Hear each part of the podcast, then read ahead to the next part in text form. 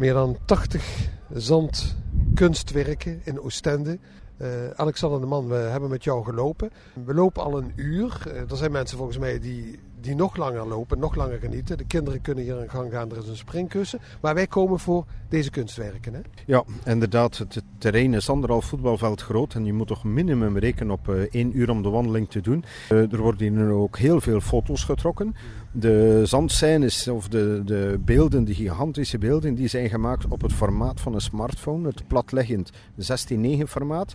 We hebben dat uh, speciaal gedaan voor de, ja, voor de perfecte selfie of de ultieme vakantie of gezinsfoto. Uh, dat maakt het eindelijk heel uh, bijzonder, want er komt ook veel verhaal. Hè. De, de sculpturen, elke sculptuur heeft een verhaal. Zeker nu met het, met het thema, met al die beroepen die worden uitgebeeld. Dus heel veel kinderen of kleinkinderen die herkennen hier ook het beroep van de ouders of de grootouders. En dat creëert dialoog. Ja, dat maakt het allemaal heel exclusief en bijzonder. Hè? Ja, 85 verhalen eigenlijk van uh, beroepen, maar ook... ik zag Louis de Funès, dat is natuurlijk ook een beroep, maar ik zie mensen met een glimlach. Dat doet jou goed, denk ik, hè? Ja, dat is voor ons uh, waarom we het nog altijd doen. Zand- en ijsculturen in de winter. Uh, wij creëren toch een, uh, iets van magie.